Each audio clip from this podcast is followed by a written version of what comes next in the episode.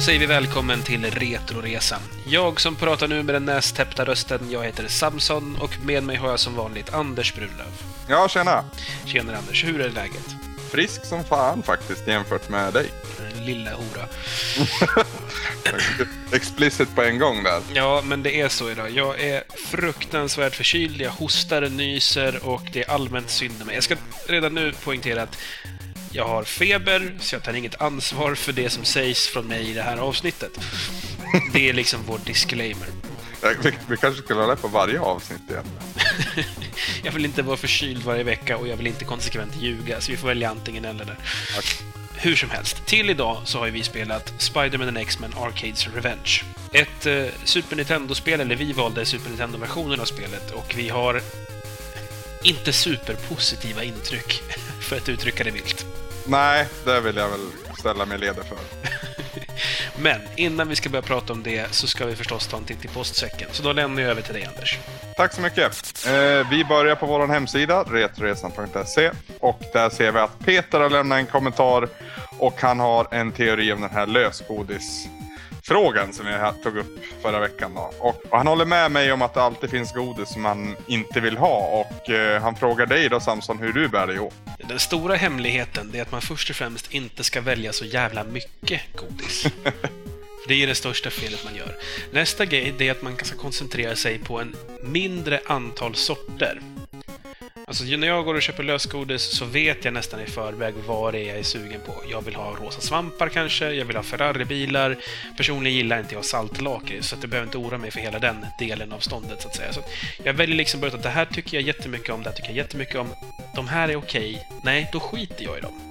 Mm. Så man väljer bara saker som man vet att det här är liksom de jag brukar ha som favoriter i godispåsen.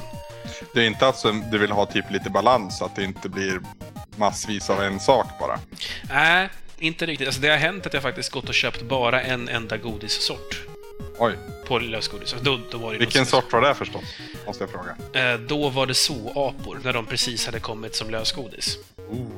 Du vet, man är ju så van vid att man kunde bara få dem i tablettaskarna och nu kunde man köpa dem per hekto. Fy fan vad jag käkade jävla zoapor. Ja, det är gott Så alltså. sjukt jävla gott. Ja. Ja, så det är knepet. Ta inte för mycket, var inte girig när du väljer. Eh, och tänk lite logiskt. Välj ut kanske fyra, fem sorters godis som alla fem är så här, de här tycker jag är riktigt goda. Skit i resten, för du kommer i alla fall inte vilja ha dem. Vi har fler lyssnare som har olika teorier så vi kommer komma tillbaka till ämnet. Men eh, vi går vidare. Nidde dyker in och han håller ju med dig då istället. Och, men han konstaterar då samtidigt att han är en sån här konstig människa och han har inte haft något problem med att bygga IKEA-möbler heller. Så han har det, han vet det i alla fall. Det har inte jag Eh. heller för övrigt. Eh, jag ska passa på den frågan. Men han eh, har också bidragit med namn och adress till den här pizzerian som nämndes i förra avsnittet. Så de som var sugen på det här, då, då är det bara att gå in och kolla Niddes kommentar på ja, förra veckans avsnitt. till Idag. Till sist så frågar han oss om vi är öppen eh, för att ha med gäster i programmet, eller snarare stand-ins då, menar han på. Eh, till exempel att ett glas vatten ska kunna ta din roll någon vecka då du har mycket att göra, eller att Lefyrius tar min roll någon annan vecka när jag har massa annat att göra. Och eh, ja, vad säger vi om det Samson? Ja, men det är väl klart. Alltså, nu är det ju också som så att vi, du och jag, känner ju varandra vid det här laget. Mm, Det som är knepigt, det är ju att ta in någon som man inte har pratat med förut. precis. Det kan ju bli så att det är någon som man inte alls kommer överens med, man får ingen rytm, man får ingen kemi liksom. Så det, det är ju lite knepigt vem man ska ta med i så fall. Mm. Nu, nu säger inte jag att ett glas vatten eller någon av de andra våra lyssnare som brukar hänga med inte skulle vara jättetrevlig att prata med. Men vi vet inte. Å andra sidan så kan man kanske riskera ett avsnitt på att säga, äh, vi testar, det kanske funkar liksom. Precis. Jag, jag, jag tycker att vi är öppna för det och om det är någon som är sugen på att vara med någon vecka så fan, dra iväg ett mail till oss. Det är inte värre än så att vi säger, nej, vi hinner inte. Vilket är typ retro-resaniska för att vi har ingen lust att prata med dig. Gud vad dryg jag lät, det var inte riktigt meningen. Alltså, jag vet inte riktigt om jag håller med dig angående det här. Alltså, jag tycker att Retoresan... I och för sig stand-ins är en sak. Det har pratats om gäster förr också och eh, att vi borde ha med det. Men det känns som att andra podcasts lever lite på vem de har som gäst. Medan vi lever lite på vilket spel vi har spelat. Mm. Och att du och jag är jävligt sköna människor. Ja, ja, men alltså, sen, tycker jag, sen så tycker jag att det är så jäkla roligt att göra det här varje vecka, trots allt slit som jag alltid gnäller om. Så ja, som sagt, jag är lite kluven. Jag, jag lät fan ta en funderare på det där. Jag, jag skyndar mig vidare istället. Ja. Man kan väl konstatera att du och jag kanske borde snacka ihop oss utanför Innan. själva inspelningar också. Smart, mycket smart. Eh, vi har en lista som kallar sig Makorv och eh, det här är ett namn som i alla fall jag känner igen. Anders Makorv Jonsson då. Han är mannen bakom Spelradions spelklubb. Eh, Är det den McCorv alltså? jag, jag, jag tolkar det som det i alla fall. Jag vet att jag... Det börjar med att Spelradions spelklubbs andra avsnitt nämnde ordet Retroresan i sin objektsbeskrivning, eller i ja, avsnittsbeskrivningen. Då. Och då var jag ju naturligtvis inne och kladdade och sa att vi har patent på Retroresan med en smilegubbe liksom. Eh, och då länkar jag också till våran Retroresa, så jag tycker jag kan se med en, ett litet band här. Men eh, jag vet inte, det kanske är någon annan som har tagit hans namn. McCorv. Låter ganska bra i och för sig. Ja, ja. Han, är, han har en rolig röst i alla fall. Han skriver att han premiärlyssnade på förra veckans avsnitt och att han absolut kommer lyssna igen. Eh, han gillade den filosofiska undertonen med att jag inte kanske äter den ultimata pizzan ännu. och sen så ger han också en utläggning om det här godispåsefenomenet och han är lite inne på ditt spår att det handlar snarare om överkonsumtion än något annat. Det handlar om att köpa rätt mängd godis snarare än rätt godis. Mycket riktigt. Bra där, McCorv. Ja, jo, han har ju faktiskt bra poänger där, men jag vet inte. Jag är fortfarande skeptisk. Det är något magiskt tycker jag ändå, som har- är med i görningen. Oldgast gillade också förra veckans avsnitt och eh, han var lite sugen på Rocket Knight Adventures. Eh, tidspress satt och käppar i hjulet. Eh, då tycker jag kort och gott att han ska spela det sen. Någon gång. För det är jäkligt bra spel tycker jag. Ja, gud ja. Det är ju för fan en pizza med jordgubbar och belgisk choklad.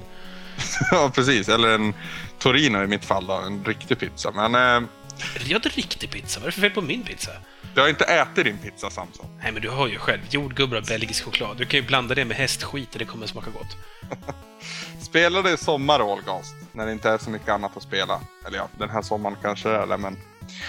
När du har tid då, säger vi. Eh, han, han nämner också att han har fastnat i eh, A Link to the Past. Och eh, du frågade väl om han ville ha hjälp, va? Ja, lite. Jag frågade var någonstans han hade fastnat, mest för jag ville kolla om jag kommer ihåg vad han ska göra. Mm, precis. Men han, han ville inte ha någon hjälp. Så att säga. Nej, men han ville ju lösa det själv. Annars skulle det inte vara Zelda-aktigt så att säga. Och det, det är ju så att lösa ett pussel i Zelda är ju en unik och väldigt tillfredsställande känsla. I alla fall enligt mig. Mm. De är ju lite konstiga ibland. Men... Eh, ännu ett nytt ansikte, förmodar jag i alla fall, går under aliaset eh, Jigge. L- läser jag det som. J-I-G-G-E-H. Och han blev lättad av att höra att vi gillade Rocket Knight Adventures så pass mycket som vi gjorde. Eh, vi sågade i Streets of Rage 2 bara några veckor innan och det var också likt Rocket Knight Adventures då, ett kärt barn för honom. Så han var ju lite orolig där innan verkar det som. Han tror sedan att du Samson har blandat ihop veckans spel med ett annat då han minns att spelet där Green Jelly gjorde musiken heta Spider-Man Maximum Carnage. Och med facit i hand Samson, vad säger du? Ja, jag tog fel. Fan vad kass det är. Herregud, Anders. Det vet vi redan att jag är. Ja, nej. ehm, han ger lite mer tips då på spel vi borde prova om vi gillar Rocket Knight Adventure och det tackar vi för. Och på en gång skulle jag vilja slänga ut en liten vink till alla som lyssnar att skicka mer än gärna tips. Visst, vi kan sitta och surfa efter spel hur mycket vi vill, men ett tips är alltid välkommet. Va? Sen är det inte alltid att vi kan spela det för att någon av oss har spelat det tidigare eller att det är liksom ingenting vi har hinner, med att spela på en vecka. Eller svårt att få tag på, vilket händer ganska ofta. Ja, precis. Vill ni lämna tips i alla fall så har vi forumtrådar, mejl och kommenta- kommentarer för det och ni får info om det i slutet av avsnittet. Sen har vi en lyssnare som kallar sig Modehjärnan och eh, han verkar, han verkar störa sig lite på spelet vi har valt ut den här veckan. Eh, eh, jag vet inte om jag ska läsa någonting av det där egentligen men han, han verkar rätt arg. Han skriver också i en senare kommentar vad han tycker om spelet i fråga så vi kommer in mer på hans kommentar sen. Moderhjärnan tycker jag låter som en hon snarare än en han. Ja, men jag tror ju att det är en han ändå. Framförallt då denna person Mm. har gjort eh, typ, jag vet inte om man ska kalla det podcast, men eh, Youtube-klipp där han, pra- han pratar om, om spel. Bland annat Rocket Knight Adventures då. Jaha, okej. Och då är det en hand, tror jag i alla fall. Det lät som en hand. Får man se personens ansikte? Nej, det är bara svart bild. Så det är, det är bara ljud fast det är upplagt och hostas av Youtube. Då. Jag tänkte ett tag att det skulle vara Malin Söderberg från Gameplayer, för vi kallar henne för modehjärnan internt. Mm. Men ja, det, tji fick jag. Jag skrev faktiskt en, apropå ingenting, eller apropå modehjärnan, så skrev jag en lista på eh, mina tio favoritbossfighter i söndags. Jag har ju alltid en lista på söndagar på min blogg och eh, där var modehjärnan från Super Metroid på andra plats faktiskt. Du Anders, när vi nu pratar om det, vad var den där adressen nu igen till din blogg? Eh, bitloof.se eller bitloof.wordpress.com. Vi kan väl kanske lägga upp en länk också tror jag. Eh, våran loading-tråd har varit död ett tag. Det tycker jag är tråkigt. Så det finns inte så mycket att hämta där. Däremot på Gameplayer så har vi lite drag i våran tråd. Aloysius tyckte Rocket Knight Adventures lät intressant. Han ska prova det någon gång, skriver han. Eh, sen uppdaterar han mig lite angående förra veckans sagostund.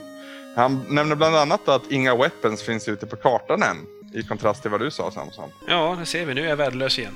Fan, alltså det känns som att jag bara sitter och trackar på dig nu. Det är helt okej. Man s- Du sa i och för sig innan vi började att man slår inte den karl som hostar. Ja. Eh, och jag är ju sjukt förkyld, men när jag är så här förkyld, då inser även jag hur dålig jag egentligen är. Så det är helt okej att passa på nu, för nu kommer jag erkänna det. Åh gud. Nej, alltså det, det är helt okej för min del Samson. Eh, jag var inte beredd att ge mig i kast med någon av dem ändå. Så. Eh, jag tror också att Abe Edward är en ny lyssnare. Eller har du minnet av att han har kommenterat någonting för? Abe Edward skrev till oss i förra avsnittet. Jaha, ja du ser vad mycket gör med. I alla fall, han är tillbaka den här veckan och han berömmer oss för ett bra avsnitt. Och eh, han berättar att han nu backtrackat många avsnitt och att han är mer än glad för att han hittade Retroresan. Eh, han har till och med lyssnat igenom hela Final Fantasy 6 sagostunden. Och eh, han tyckte det lät så trevligt att han nu faktiskt börjar spela det själv. Så det är det så här mission accom- accomplished skylt som blinkar. Det är jag som är förkyld, varför får du grodor i halsen? Ja, jag vet inte. Eh, Det är den här engelskan jag alltid har problem. Ehm, han undrar då vilken konsol han ska spela Final Fantasy 6 på och, och han skriver att han har tillgång till de flesta och jag tycker ju på en gång på rak arm så Super Nintendo. Det är liksom kärn, kärnkonsolen eller vad man ska säga. Men det var ju där spelet utvecklades till. Jag håller helt med. Jag har ju testat det också på Playstation och det är ju exakt samma spel med någon extra filmsekvens. Men det som är jobbigt där istället är att det är så en extremt lång... Jag vet inte, det är en laddningstid, det måste ju vara det, mellan eh, fighterna och eh, utforskarläget eller vad man ska säga. På vår Facebook-sida har Kristoffer Erling lämnat en kommentar. Han skriver Eran podcast klättrar bara högre och högre upp på min topplista. Jag älskar hur ni brinner för retro och era personligheter kompletterar varandra. Nu har jag inte lyssnat på alla avsnitt men det vore trevligt om ni tog in en gäst då och då. Och så en liten smilegubbe då. Minns jag rätt om Kristoffer var ena halvan av Game Station när det begav sig? Jag tänkte precis säga, jag tror han fiskar efter en extra plats här. Han känner att han inte får eh, utlopp för sina podcast-talang. Nej, de var ju tvungna att lägga ner den när de slutade plugga båda två. Ja just det, sen vart ju Malin eh, chefredaktör också. Ja, precis. Det satte ju spiken i kistan, så att säga. Precis. Det var synd, jag gillade Game Station. Ja, jag hann inte lyssna så mycket. Jag har tagit något avsnitt så här i efterhand. Det var ju live framförallt, det är ju coolt. Mm, det törs inte vi. Nej, precis. Det är alldeles för mycket klipparbete. Alltså. Eh, han är väl söderhamnare från början också om jag inte minns helt fel.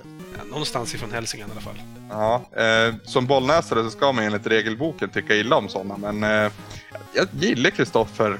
Kan ju också ha att göra med att han stryker med så mycket medhårs just nu. han är ganska trevlig att spela Left 4 Dead med också, kan jag säga. Alltså, ja det ser man. Eh, ja, vi får, som sagt Kristoffer, vi får se hur det blir där med gäster och stand-ins och så, men eh, vi återkommer till den frågan. På vår Twitter har ett glas vatten och Johannetsus ställt sig frågan varför vi har valt att spela nästa veckas spel på Game Gear. Eh, Castle of Illusion starring Mickey Mouse som jag twittrade ut tidigare i veckan. Eh, de menar då på att det finns ju ändå till Mega Drive. Eh, svaret där är helt enkelt att vi aldrig har spelat Game Gear i Retoresan och vi tycker att det är dags. Och nöp vi det spelet helt enkelt. Sen tror jag inte det är samma spel på Mega Drive heller va?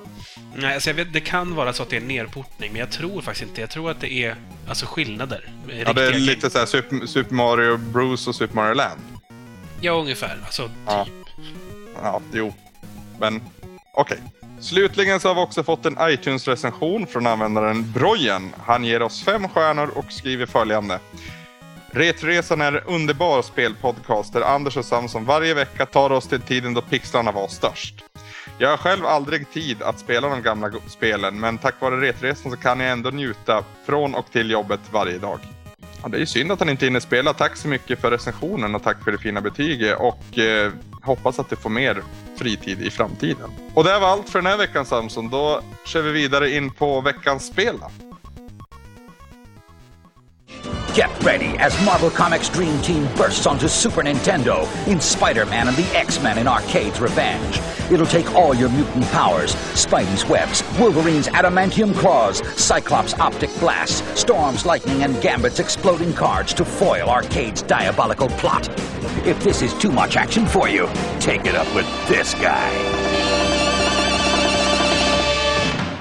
Till idag har vi då spelat Spider-Man and X-Men Arcades Revenge. Vi har spelat Super Nintendo-versionen, men det finns också till Mega Drive och till Game Gear och till Game Boy. Det släpptes i Europa den 19 augusti 1993 och då är det alltså fortfarande bara Super Nintendo vi pratar om. Det är utvecklat av Software Creations och utgivet av LJN. Om jag inte missminner mig så är det under Acclaims flagga då. Okej. Ja. Ehm, ja, vad kan man säga om så här spelet då? Det är alltså ett sidskrollande plattformsäventyr, eller actionäventyr kan man nästan säga. Mm. Eh, Allting utspelar sig förstås i Marvel-universet, vilket man då märker på titeln. Eh, Inledningsvis så är man alltså då Spindelmannen. Och man har i uppdrag att desarmera ett gäng bomber som befinner sig i och runt en lagerlokal. När man är klar med detta så får man reda på att den onda skurken Arcade har kidnappat X-Men, eller åtminstone fyra av dem då. Det är Storm, Wolverine, Gambit och Cyclops. Och då kräver då Arcade att dessa fyra tillsammans med Spindelmannen eh, ska genomgå en slags test, så att säga. Eller ska de försöka fly, hänger inte helt med i storyn. Eh, men kort och gott så ska alltså då allihopa spela inom två banor var i Arcades bizarra Murder World. Och här får man också då välja då vem man vill spela som. Och så är det då två banor med förstås lite bossar och allting är ju förstås hämtat från Marvel-universum. Så man känner ju igen en hel del ansikten här och där. Vem valde du först att spela med? Behöver du fråga? Uh, Gambit kanske? Wolverine såklart. Har du varit besviken som mig då hoppas jag? Kommer till det. Ehm, jo, lite mer basfaktorn spelet det är också att varje gubbe är... Vä- vä- vänta lite, alltså Samson, Gambit är ju coolare än Wolverine för övrigt. Till- Till er som lyssnar så, så ska jag direkt här säga att Anders tycker att Nicolas Cage är en bra skådis. Ja, och Samson tycker att Julia Roberts är en dålig skådis. Och med det i bakgrunden så förstår ni hur resten av den här konversationen kommer gå till. Så. Eh, varje superhjälte har ju sina egna krafter och det avspeglas också då i gameplay där till exempel Spindelmannen då kan klättra på väggar, han kan skjuta iväg sitt nät, Wolverine har sina klor och läkeförmåga, Gambit kan ladda upp framförallt då spelkort i det här läget. Cyclops skjuter de här bisarra laserstrålarna genom ögonen och Storm påverkar väder. Ja, Anders. Eh, det första jag måste fråga dig. Mm. När Spindelmannen bekämpar folk i serien, eller i filmen, brukar han skjuta mycket på dem? Nej, det händer väl kanske någon gång. Är det inte mer typ desarmera, ta bort pistolen ur handen på dem, kanske fästa dem i väggen vid något tillfälle? Precis. Och Annars- sen är det slag och sparkar i stort sett. Ja, alltså han är ju en, en melee combat-snubbe. Här skjuter han en liten nätbit på dem. Det är väldigt, väldigt märkligt. Sen är jag väldigt fundersam till varför han bara kan skjuta ut nätet och svinga sig när han står still. Varför kan han inte göra det i luften? Hur ska han kunna ta sig fram som han gör till exempel i inledningen av spelet? Det är mycket, mycket märkligt här. Ja, det tycker jag också. Ja, utöver dessa märkligheter så ska vi ta och försöka stycka upp det i små bitar här och ta det en sak i taget. Och så, Anders, vi kliver direkt in på presentation. Hur tycker du grafiken ser ut? Grafiken tycker jag är plottrig, ful och gammal. Hårda ord, måste jag säga. Ja, nej. Eh, om jag ska gå in lite mer. Nej, men plottrigt, det vet du vad jag menar. Det är liksom inte den här, äh, den här vassa känslan som man brukar kunna få från 16-bitars spel, utan den är, den är dåligt gjord helt enkelt. Dåligt uppritad. Eh, sen tycker jag det är mörka färgval till, dess, till spelets eh, nackdel. det känns lite som att eh, det är en jävla tråkig färgpalett helt enkelt. Det är lite NES-vibbar nästan. Jag säger inte att det ser ut som ett NES-spel, men du vet hur vissa NES-spel eh, kunna liksom vara mörka bara för att det var som begränsad färgpalett just på NES. Mm, och jag är helt med i det. Jag tycker också att det känns lite murrigt på det sättet som Ja. NES-spel kunde göra. Ja. Ehm, Jag måste säga att jag tyckte det var ganska platt grafik. Alltså allting är ju verkligen ett direkt eh, så att säga, genomskärsnitt. Det är, det är ingen vinkel på någonting, utan allt är verkligen så här... Men hade du gått på vanlig mark så hade du sett typ så ett lager gräs och sen ett lager grus och sen under det kanske lite jord. Alltså det är liksom... Det finns ingen som helst djup förutom lite parallaxskrollning här och där. Mm. Eh, platt och ganska trist. Eh, hyfsat tydligt tycker jag att det är. Det är inte svårt att se vad som är vad, tycker jag. Undantag är väl Gambits banor som är lite over, all over the place. Jo då. Eh, jag tycker även Wolverines första bana där, mm, alltså visst man ser vad det är och så, men det är extremt rörigt för det. Sen är det kanske mer en fråga om bandesign än just det grafiska.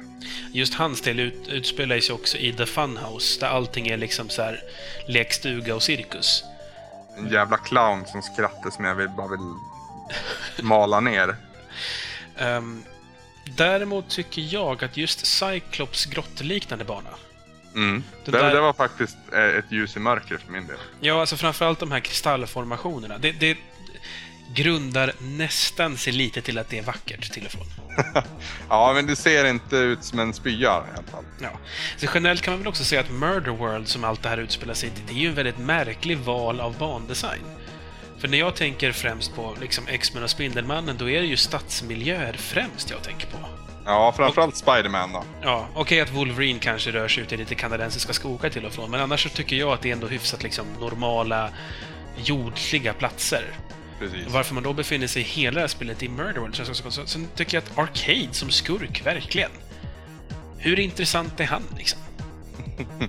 Ja, det är frågan om. Jag, jag hade inte stor koll alls på Arcade innan. Jag vet inte om jag har så mycket mer koll efter det här spelet heller, men eh, det hade ju varit mer intressant med någon annan alltså.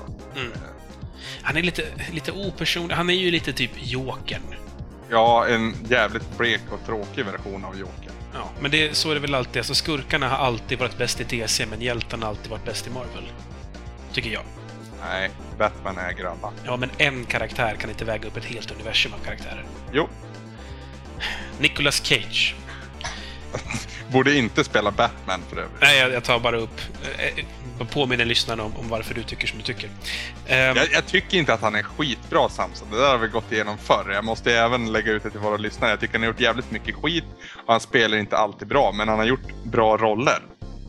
Vi ska inte fördjupa oss i Nicolas Cage, men jag kommer använda honom som ett vapen mot dig när jag tycker att du har fel. Animationerna. Varför springer Spindelmannen som han är skitnödig jämt för? Varför måste Cyclops lägga sig ner när han ska sparka? Ja, det kan... ja, lägga sig bakåt, ja just det. Och så tar det typ två år innan han har sparkat färdigt också. Ja, alltså han är värre än, än Jacks tunga spark i tecken 2. Ja. Det är verkligen så han lutar sig bakåt, tar sakta, sakta upp knät och sen rätar han ut benen. Alltså, det är verkligen som att se på farfar när han stretchar. Det, jag förstår inte alls hur man har tänkt där. Ja. Den enda egentligen av karaktärerna som jag tycker alltså, animeras korrekt, det är Wolverine, som åtminstone rör sig lite det här djuriska Wolverine-sättet som man tänker sig att han gör. Men tyckte du att hans hälsa åter... återgenererades? Ja, det gör den. Äh, jävla skit. Jag tyckte inte det hände någonting. eh. Det gör det. Jag tror att du bara gjorde fel. Den där jävla hans första bana också. Eh, ja. Jag vet inte vad slutbossen heter, men det finns fan inte hälsa någonstans på den banan. Pratar du om den första banan eller den andra banan när man är jagad av Juggernaut? Eh, Första banan, inte Juggernaut-banan. Okej. Jag vet inte, jag kommer inte ihåg. Det kanske, inte- det kanske inte är tänkt att det ska finnas hälsa där för att det är Wolverine, men alltså jag hade ju problem som fan med den kan jag ju säga. Alltså jag tycker Wolverines banor var de som var lättast, så de rev jag liksom av först. Jag tyckte nästan Cyclops bana var lättast. Den hade jag skitsvårt för. Ja, alltså den, den hade ju många sådana här äh, dö för att du, du inte vet vad du ska göra. Jag vet inte om, jag, om det finns något ord för det, men Trial and error kanske. ja, kanske.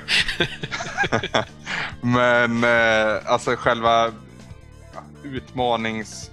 skräckfaktorn då så att säga var inte så vidare hög jag. Nej, kanske inte. Jag vet inte. Jag hade väl mer problem än du helt enkelt. Eh, jag tänkte vi skulle prata lite om musik och ljud också när vi ändå är inne på presentationen här. Mm. Eh, om vi börjar med ljudeffekterna. Burkar. Jag tycker de är ganska, ganska trista. Alltså det, det, det är lite kraft i dem i och för sig. Alltså när, när man får en sån thud-ljud så är det verkligen... Det, det smäller i liksom. Ja, jag gillar dödsskrikerna. De hör det en hel del kan jag ju säga. Jo, alltså det, det, det är lite hit and miss på ljudeffekterna. En del känns riktigt, riktigt bra. Som till exempel dödsskriken. eh, Tyngden när man får in ett bra slag. Eller det här lilla thudet när typ Spindelmannen landar någonstans till exempel. Mm. De bitarna tycker jag är helt okej, men sen så är det annat som är så jävla dåligt. Du nämnde till exempel en, en fiende som skrattar. Eh, ja. Man, man blir ju så frustrerad på det här jävla ljudet. Man hör det ju så jävla mycket också. Mm. Det, det, det blir snabbt ganska uttjatat. Det, det, som är, det lilla som man tycker är bra hör man också liksom till leda till slut. Ja. Alltså, det där jävla skrattet också, det har en förmåga att skära verkligen i öronen på en. Mm. De har verkligen hittat en frekvens för att plåga spelaren. Sen också spindelsinnet är ju inte så jävla kul att lyssna på heller. Jag funderade på om det var fel på min TV tag. Ja, Jag trodde också att det var fel, alltså inte fel på spelet som vi brukar kalla det då, men alltså fel på kassetten då, i fråga. I Mega Drive-versionen så ska det ljudet vara borttaget. Jaha, varför spelar vi på Super Nintendo då för? Bättre ljudchip. ja, jo, okej. Musiken, vad säger du där? Här finns det faktiskt lite, lite gott att hämta här och där. Och även i själva låtarna så är det inte alltid klockrent, men det kommer små stycken som liksom oh, börjar gunga ordentligt. Cyclops bana är ett typexempel. Där det liksom, hela den låten är okej och så under en kanske en femtedel av låten så svänger det ordentligt och faktiskt börjar likna någonting som man kan kalla bra. Så, ja, Samtidigt så har du ju Wolverine-banan också ja, tyvärr. Som är den här cirkus pling plonk jätteirritationen. Ja, Men jag, alltså, generellt, så förutom de, de utstickarna som, som just den vi nämnde då, så tycker jag att det är lite så här porrfilmsfunk. Och jag, Ja. jag gillar det liksom. Jag tycker det funkar. Det, det glider lite fram. Man känner sig lite jazzig. ja. Och det, jag tycker det är helt okej. Alltså jag, det är nog det jag tycker är absolut bäst med spelet. Det är faktiskt framförallt intromusiken tycker jag är riktigt fet. Ja, det var ju där vi trodde var Green Jelly då, vilket det inte var. Men det är, det är ett jäkla schysst riff. Mm. Det är synd att det inte används mer. Sen är det ju, eh, allting är ju den klassiska Super Nintendo Midi, men här har man försökt använda sig av ljud som låter som att det är en orkester där, så att säga. Ja, Så man hör ju att det är en, en midi-elgitarr och det är liksom... Det är inte det här klassiska vi skiter i verkligheten, vi kör på tv-spelsljud, utan man har liksom försökt få det att låta som att det faktiskt är ett soundtrack som spelas av ett riktigt band någonstans. mm. Och det tycker jag är ganska roligt, för det är inte så vanligt att det sker. Alltså det är ju typ rock'n'roll racing är det första jag kommer att tänka på, där man försöker återskapa riktig musikkänsla liksom. de gör det ju betydligt bättre då. De har ju i och för sig också en hel myriad av rocklegender som har skrivit musiken. Ja, men de gör det fortfarande bättre. Ja, jo, men det är inte så jävla svårt. Nej, men det är ändå, de gör det bättre. Gud, Punkt slut. Ja, ja. Du är en sån som säger att ja, men det bästa musiken i någonsin i tv-spel, det är den i rockband. det är jag inte. Nej, men det kändes så. Nej, men bästa återgivningen av bra låtar finns i Rock'n'Roll Racing. Okej då, vi säger väl så. Ja. Ska vi gå vidare lite och prata lite gameplay? Vi har varit inne på det lite tidigare. Ehm, det är ju väldigt olika det här tycker jag, från bana till bana. Mm. Ehm, inte bara i karaktärerna, men också hur banorna är strukturerade, vad det är man gör på dem. Någonting som jag tycker är genomgående det är dock att ingen av de här känns som någon vidare superhjälte. Det känns snarare som en, som en lite handikappad människa som har någon typ av förmåga. Jag har inte riktigt funderat på det, det, säkert, det, det skulle väl kanske vara i så fall Cyclops som jag tycker har någonting som inte en människa har. Men som jag ser en, en pistol gör ju samma jobb alltså. Ja, det är inte så jävla hett när allting kommer omkring. Plus att han ser för jävla löjlig ut också i den där jävla masken, eller brillorna han har. Det är i och för sig en jag skulle fråga om. Vad tycker du? Alltså, de har ju inte de klassiska dräkterna, utan här har de ju den här... Eh, eh, vad är det? Det är sent 80, tidigt 90-dräkten. Att Wolverine har den här eh, brun-beige-röda. Eh, Cyclops har sin 90-talsdräkt med, med, som är blå då, med det här vita krysset på. Mm.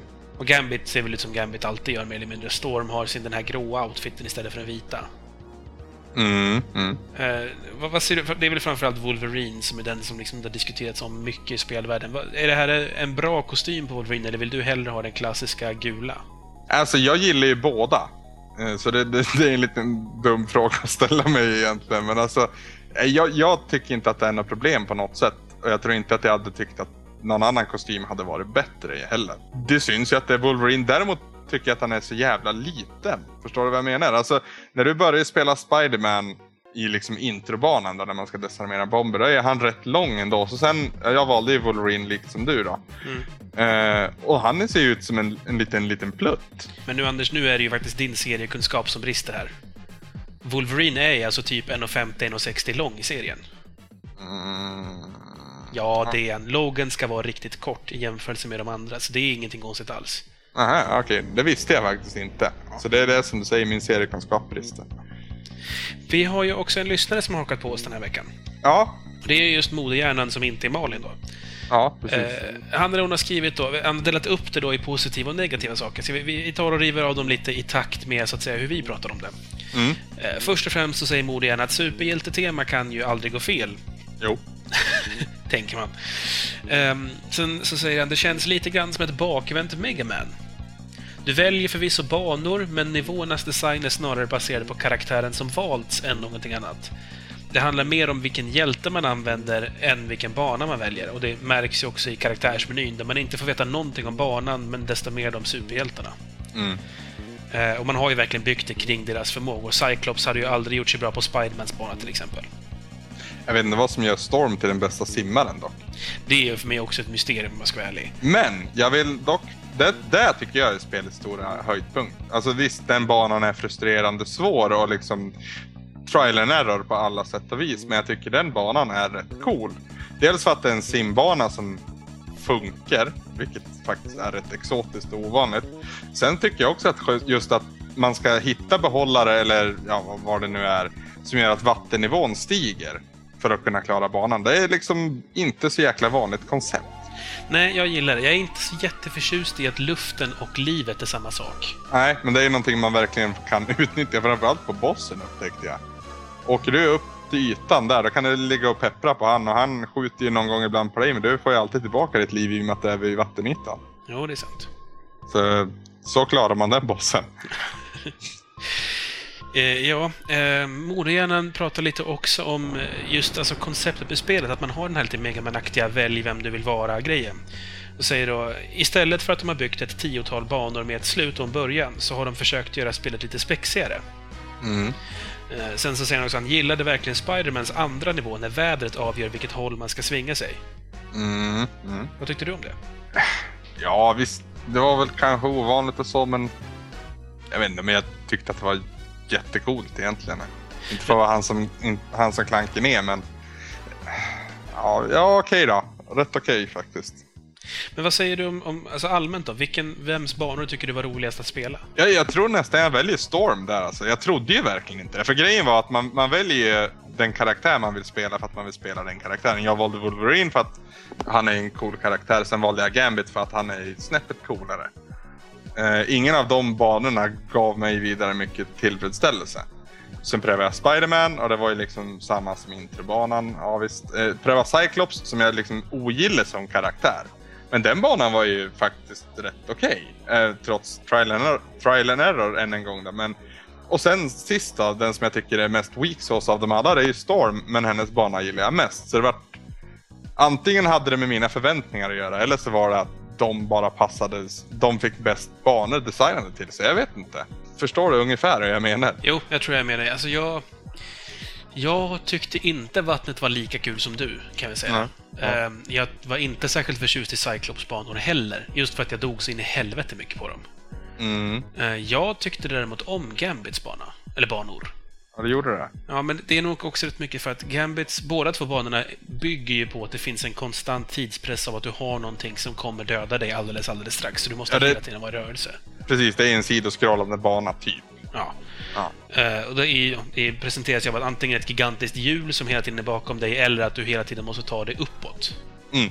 Framförallt att han tar sig uppåt tyckte jag var ganska roligt. Sen ska jag också erkänna att jag faktiskt fuskade i det här spelet. Vad innebär det då? Ehm, det finns en glitch. Eller så kan det vara med flit, det vet jag. Men det finns i alla fall ett, en sak man kan utnyttja på en av Gambits, eller på Gambits första bana. Vill du att jag ska spoila vad exakt vad det är för någonting, eller ska vi lämna det därhän? Nej, du kan spoila för min del. Okej. På Gambits bana så finns... Man, får ju, man kan ju plocka upp stjärnor här. Du Ja. vet, de här små vita stjärnorna. Ja. När du har tagit 100 stjärnor så får du ett extra liv. Ja. Om du springer genom Gambits bana precis som vanligt så märker du också att på banan så finns det fyra stycken typ smaragdliknande saker utspridda som du kan plocka upp för lite poäng. Ja.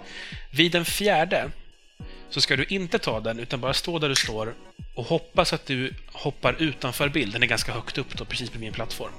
Mm. Så, så fort du lämnar bilden så bara ramlar din stjärnor. Typ 10-20 stycken per hopp. Åh jävlar. Så det är bara att stå där och hoppa, hoppa, hoppa, hoppa, hoppa, hoppa, hoppa, så samlar du på dig så många liv som du bara kan innan hjulet kommer. Så Och dö- sen kan du dö då och så göra om det igen. Precis, med åtta liv mer än vad du hade nyss. Så där kan du fylla på så att du har ett jävla mycket liv att ta av. Maxar ut eller? Ja, jag orkade ju inte ta mig hela vägen upp till 99, jag är inte idiot, men... Jag tänkte på din OCD där. Ja, nej, men jag gjorde som så att jag väntade med att klara den banan tills jag hade klarat alla andra. Mm. Så att jag hela tiden kunde backa tillbaka och så bara fuck it, jag behöver så fylla på lite så att jag hade kanske 20-30. Så bara okej, nu ska jag ta den där jävla Cyclops-banan och så in på den och köra tills jag hade klarat det. All right. Och det är kanske det man ska komma till härnäst då, svårighetsgraden på spelet. Ja. Som är brutal. Ja, eh, modehjärnan säger som så. Svårighetsgraden är helt sinnessjukt hög. Mm. I skrivande stund har jag klarat fem banor förutom öppningsbanan. Och jag har säkert suttit minst en timme med varje nivå för att ta mig vidare. Mm. Och det är ju svårt för att man måste memorera allt på varje bana och allting bygger på trial and error. Spelet är oförlåtande på alla sätt man kan tänka sig. Ja, Jag tycker, jag tycker det är trasigt. Jag, jag tror inte att de har liksom försökt gjort ett sånt här svårt spel. Alltså jag tror inte de haft det i åtanke att det skulle bli så här svårt. Utan det har mest skett för att de inte har brytt sig så mycket om spelet de gjorde. Alltså, jag vet inte om jag håller med där, för jag tycker att det finns en, en... Jag tycker att det kan finnas en liten glädje i att liksom göra det så här. För att de, de har ju inte... Man hade ju, i och med att man riktar sig till en ganska ung publik misstänkligen eftersom det dels är Super Nintendo på 90-talet, dels är superhjältar. Mm. Eh, och det är inget blod i spelet på något sätt eller något sånt där. Så jag vet inte, jag, jag tror att de faktiskt bara ville göra ett spel som skulle vara svårt, som skulle hålla länge. Sen att det inte är så jävla kul att det är så svårt, det är en annan sak. Men jag tror inte att det är så här, vi kan inte bättre så det blev svårt. Men alltså seriöst. Vissa gånger är det, ja jag tänker framförallt på Gambits banor, där är det liksom omöjligt att undvika att bli träffad. Och... Nej, alltså det, visst det kan vara lite sanning i det du säger, men jag tror de var omedvetna om hur pass svårt de gjorde spelet. Okej att de hade liksom i åtanke att de skulle göra ett svårt spel, men jag tror de hade noll kontroll över hur svårt det faktiskt blev. De bara slängde in skit. Jag tror att de hade tänkt sig att det skulle vara linjärt först. För jag tycker right. att det finns liksom, man kan nästan rangordna vad som är svårt och vad som inte är det av de här banorna. Ja, Som till exempel, Storm är inte så jättesvår. Jag tycker inte Wolverine är så svår heller. Kanske, en, jag har hört att många har problem med Juggernaut. Själv tyckte jag inte han var så svår. Um, Spindelmannen är inte så jättepetig heller. Gambit Alltså det, det, det blir ju sådär när du säger att det inte är så svårt, det håller jag med. Men samtidigt vet jag att på den banan du, du nyss nämnde då, då dog jag ju x antal gånger. Men det gjorde jag samtidigt över hela spelets gång så att säga. Så att ingenting står egentligen ut för mig utan det är mest en jävla game over-fest.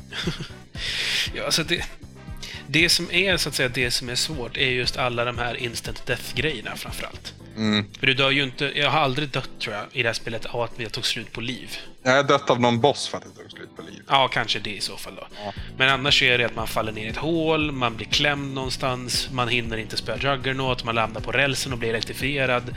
Det är ju sånt man dör av. Den där jävla rälsen såg inte ens jag var en räls. Så första gången då, då hade jag bara ett liv kvar också när jag gav mig kast med, med Cyclops första bana. Mm. Och så bara, ja där nere ska jag gå. Och så dog jag. Ja, det ju var det- exakt det- samma sak gjorde jag också. ja, så det, det gick kast. Vad säger du om bossarna då?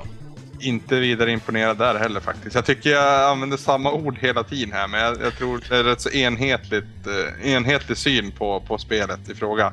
Eh, tycker inte att någon imponerar nämnvärt. Känner väl igen ett och annat ansikte, men samtidigt så... Det hade kunnat vara vad fan som helst egentligen. Alltså jag tycker framförallt att de inte riktigt utnyttjar att de här bossarna är etablerade karaktärer. Nej, det är väl ungefär det jag försökte säga. Jo, men alltså känner man inte... Alltså vet man inte att Juggernaut är Juggernaut så säger man bara det är en snubbe som springer jävligt sakta precis bakom mig. Vem är han? Ja. Alltså det, det är som... Ja, Modehjärnan frågar till exempel varför är det ingen konversation innan som för handlingen framåt och skapar en kontakt för de som inte är hemma i Marvel-universumet? Mm. Frågar också en vän inne på samma område. Varför finns det ingen bossmätare som visar hur mycket liv de har kvar? Ja, Det hade ju varit väldigt välkommet. Alltså. Och vart fan tog bossmusiken vägen? ja, ja det är må- som, till exempel Storms bana så förstod jag inte först att den, jag, den fienden jag höll på med var en boss förrän jag insåg att den här fienden har tagit en jävla massa smällar. Jag, jag tycker knappt att det är en boss om jag ska vara. Jag tycker det känns som att man slåss... Eller, jag tycker det känns som att man håller på att ha sönder en maskin. Ja, lite säkerhetssystemgrej där. Att du ska ha sönder någon CPU eller någonting sånt. Ja, eh, kontroll har vi inte pratat så jättemycket om. Nej, just det. Det kanske finns en anledning till det. Ja. Jag tycker inte att den är nämnvärt dålig alltså. Eh, Däremot tycker jag inte att den är bra på något sätt. Jag nämnde ju som sagt sådana konstiga grejer som att Spiderman inte kan svinga sig i sina, sina nät om man inte står still. Eller eh, han kanske inte måste stå still, men han kan inte göra det efter han har hoppat i alla fall. Och det är liksom det som är ballt med Spiderman. Tyckte jag. Så det, jag, det tog ungefär 10 sekunder för mig att bli besviken på det här spelet första gången. Han kan inte heller klättra direkt på väggen om han inte kommer mot väggen i lite av en vinkel. Precis. Vilket och sen är- kan, han, sen kan han inte klättra upp för en kant heller. Det är någon- jättekonstigt. Det är skitkonstigt. Jag tycker inte kontrollen är oprecis. Jag tycker den svarar korrekt när jag liksom trycker på att nu vill jag göra det här. Sen att det är liksom en del märkliga beslut i vad som går och inte går att göra, det är en annan sak. Jag dör aldrig för kontrollen. Nej. Jag kan ramla några gånger, framförallt när jag klättrar omkring som Spindelmannen, för att jag har gjort fel. Men det känns som att det handlar mer om att alltså bandesignen kanske inte är så jävla vass, eller att de regler man har satt upp för kontrollen är kanske inte så jävla tydliga. Äh, Du har inte lärt dig hur spelet fungerar. Precis, precis, precis. Men, men kontrollen i sig tycker jag egentligen inte är ett sånt jättestort problem. Förutom att varenda en går för sakta och allmänt är för slöa. Spindelmannen springer ju till och med även fast i slow motion. Ja. Och det känns ju jättefånigt. Alltså man, jag, jag, Spindelmannen tänker jag alltså, jämför ganska mycket med första Ninja Gaiden. Mm. Det är lite samma grejer han kan göra, men Ninja Gaiden är ju typ tok-snabb och tar sig fram ordentlig hastighet och klättrar fort. Visserligen inte klättrar, men typ fastnar på väggen och studsar omkring. Och det känns som så här. Spindelmannen ser jag som en ganska snabb karaktär. Mm. Jag är helt med på att Wolverine kanske inte är så jävla liksom Speedy Gonzales, men, men Spindelmannen ska fan med vara snabb. Mm. Och Gambit också. Han ska ju vara rörlig framförallt. Mm. Och, och liksom vig och, och ja. Och kunna Ja, ja. slänga ut en knytnäve någon gång också. ja, precis. Det är konstigt att man just gett Cyclops melee eh, funktioner. Mm. Man kunde väl gjort något annat coolt med han istället. Nej, Man, man var så jävla nöjd med den där sparkanimationen, vet du. det var väl det kanske. Lägg det på soffan, sträck ut benet. Jajamän. Jag vet inte, ska man kanske runda, runda av på något vis? Ja, gärna det. Kort sagt kan man väl säga att det är ju i princip fem olika spel i ett. Men de skiljer sig inte jättemycket med, från varandra. Det är en jävla röra av skit. Så extremt ty, illa tycker jag inte om spelet, måste jag säga. Alltså, Ja, jag, jag, jag hatar det här spelet. Jag hatar det så innerligt eh, under den här veckan som har gått. Det har dels att göra med att spelet är jävligt tråkigt och dåligt och för svårt, för mig i alla fall. Sen har jag liksom dig över mig som liksom, jag känner att jag måste klara spelet. Plus att det har ju faktiskt släppts ett spel nu i dagarna som jag hellre hade spelat. Ja, du menar Alan Wake? Jag, men... jag ska faktiskt spela det snart också har jag tänkt. Men eh, Red Dead Redemption är det jag menar. Jag håller faktiskt på med Alan Wake bredvid Ja. själv. Väldigt bra spel. Jag har förstått det som att Red Dead Redemption är helt okej också. Ja, du gillar ju inte eh, Rockstar generellt, men eh, jag, jag tror du skulle hitta glädjeämnen i det här. Men, vi, vi försöker runda av första spelet först. Ja, en sak i taget, ja. Ska, vi, ska vi hoppa på en pizza kanske? Jag, jag tyckte summera det bra, men röra av skit. Jo, just det. Bra att du sa det, för nu kommer jag på vad jag hade tänkt säga. Jag tycker inte spelet är lika dåligt som du tycker. Jag tror att jag finner någon slags rening i den sadismen som krävs för att uppskatta ett sånt här spel. för att jag tycker att det var kul på ett, alltså på ett så här skadeglatt sätt. När jag såg liksom slutet. Apropå det, skitdåligt slut. Ja. Eh, när jag såg slutet av spelet så slängde jag ifrån mig min handkontroll, stirrade på skärmen och sa “Där fick du din jävel”. Så det är lite den sortens glädje man kan finna där. Och jag tyckte det var faktiskt rätt kul. Alltså jag tycker det är kul när ett spel är skitsvårt och inte skitsvårt på ett dumt sätt. Som jag inte tycker att det här spelet är, även om du inte håller med mig. Nej, jag tycker det är trasigt. Jag håller ju som sagt inte med. Jag tycker att det är kul när ett spel är så skitsvårt, men det går att klara. Jag gillar ju också Ninja Gaiden, de nya, för just av samma anledning. De är så in i helvete svåra, men när man klarar dem så är man så jävla nöjd. Och det är som en, en liten skadeglad vinst mot spelet. Jag tog dig din jävel. Alltså det är verkligen den känslan man får. Och den, den fick jag här också, så jag är inte riktigt lika sur på spelet som du. Även om det grundar ju sig att jag bygger upp ett hat mot att den här jäveln, jävla skiten har ihjäl mig hela tiden. Mm. Men, men i grund och botten så, så har jag ändå... På något konstigt sätt så är det kul att hata. Och, och framförallt när hatet känns befogat på ett korrekt sätt. Vilket jag upplevde här. Så att jag, jag tycker det var kul att hata det här spelet. Så jag tycker att det är ganska trevligt ändå. Eller så handlar det bara om att du inte vill erkänna att det spelare du valde ut var värdelöst. Jag skulle inte sätta värdelöst. Jag tycker till exempel att... eh, Ja, vad fan hette det? Strider var sämre. Nej, jag tycker de spelar i samma division alltså. Oj, det är jag ja. inte med i alls på, men okej. Jag tycker också att eh, eh, Ghost and Goblins var sämre. Så det har ju den där första banan-musiken istället. Ja, okej för musiken, men spelet i sig, det är också... Man skulle kunna jämföra det eftersom det också är trial and error och det är också skitförbannat svårt. Men där tycker jag att jag dör mycket, mycket mer på att det är så jävla dumt. Men det, det är ju typ lika snygga spel och, och Ghost and Goblins är på NES. Ja, jo, i och för sig. Om man ska vara sån. Äh, jag, jag är mer positivt inställd än du i alla fall. Och det är inte för att det var jag som valde spelet. För att, menar, i så fall så... Alla bra spel hittills har ju du valt och jag har också sagt att de är bra. Vad suckar du för nu då? Ska vi ta pizzan eller? Vi gör väl det då. Jag får Ja. börja. Ja. Eh, har du käkat på Pizza Hut någon gång, Anders? Ja. Jag tycker att Pizza Hut är ganska rutten pizza. Ja. För att det är... Först och främst så är det en jävla McDonalds-pizza. Den är liksom tillverkad i en jävla fabrik och inte av någon mysig tjock eh, skön man med mustasch bakom disken. Um, och jag skulle säga att det här spelet, det var en Pizza Hut-buffé. Och med det så menas att det var fem pizzor med olika ingredienser som alla smakade nej. Men det var ändå så här, fan, jag har... Nu har jag satt mig ner på den här jävla buffén. Jag ska äta mig själv proppmätt, vare sig det är gott eller inte. Och det blir ju en ganska svåräten, ganska torr pizza. Det finns en del bra ingredienser, men av att den är halvbra bakad hela tiden. Det är liksom, man kan aldrig riktigt känna så här, fan vad gott det här var. Utan det är bara så här, ja, det är tekniskt sett en pizza, men inte så jättemycket mer. Men ändå är det så att fan, det är en jävla buffé och det finns en massa olika saker att välja på. Och jag är ju ändå jävligt hungrig och den här skiten ska nu... Nu, nu ska jag fan äta mig proppmätt för jag har ändå betalt 100 spänn för den här jävla buffén. Så upplever jag det här spelet. Det, det kan vara en plåga att få i sig allt, men när man är klar och går ut därifrån så är man åtminstone mätt. Okej. Jag tycker kort och gott att det här är en pizzakatastrof snarare. Eh, det här är en pizzagubbe som är trött på livet. Han har slängt ihop en pizza som är riktigt dåligt bakad. Han blandar hejvilt ingredienser som inte passar med varann. Tonfisk och bacon och salami. En eh, väldigt sunkig burkbaserad skinka och tomatsåsen är en sån här som man kan köpa på ICA på Tetra för 8 spänn ungefär. Det är en vidrig pizza, en alldeles för dyr pizza och eh, något jag aldrig vill se, smaka eller ens känna lukten av någon gång mer. Anders tycker Nicolas Cage är en bra skådis. Då är det dags för musikpaus och jag frågar dig Samson, vad tycker du om Beck? Och då menar jag inte den svenska polisserien Beck utan artisten. Jag tackar gode gud för att du förtydligade det, för jag gillade inte polisserien Beck. Okej. Ehm, ja, artisten Beck däremot tycker jag är en väldigt spännande snubbe. Däremot så har jag inte hört så där fruktansvärt mycket av honom, men jag är helt klart öppen för att höra mer. Vad bra! För vi ska faktiskt lyssna på Beck nu. Eh, han har släppt en EP med Gameboy-remixer eh, och den här heter då Gameboy Variations. Och precis vad det låter som så är det nyversioner av Becks gamla låtar i Gameboy-tappning. Vi gillar det som de flesta vet Gameboy-chippet och här kommer ännu lite till. Eh, från den här skivan ska vi hämta en remix på låten Girl. Och det är väl låten jag gillar mest i alla fall. Och den låter ungefär så här.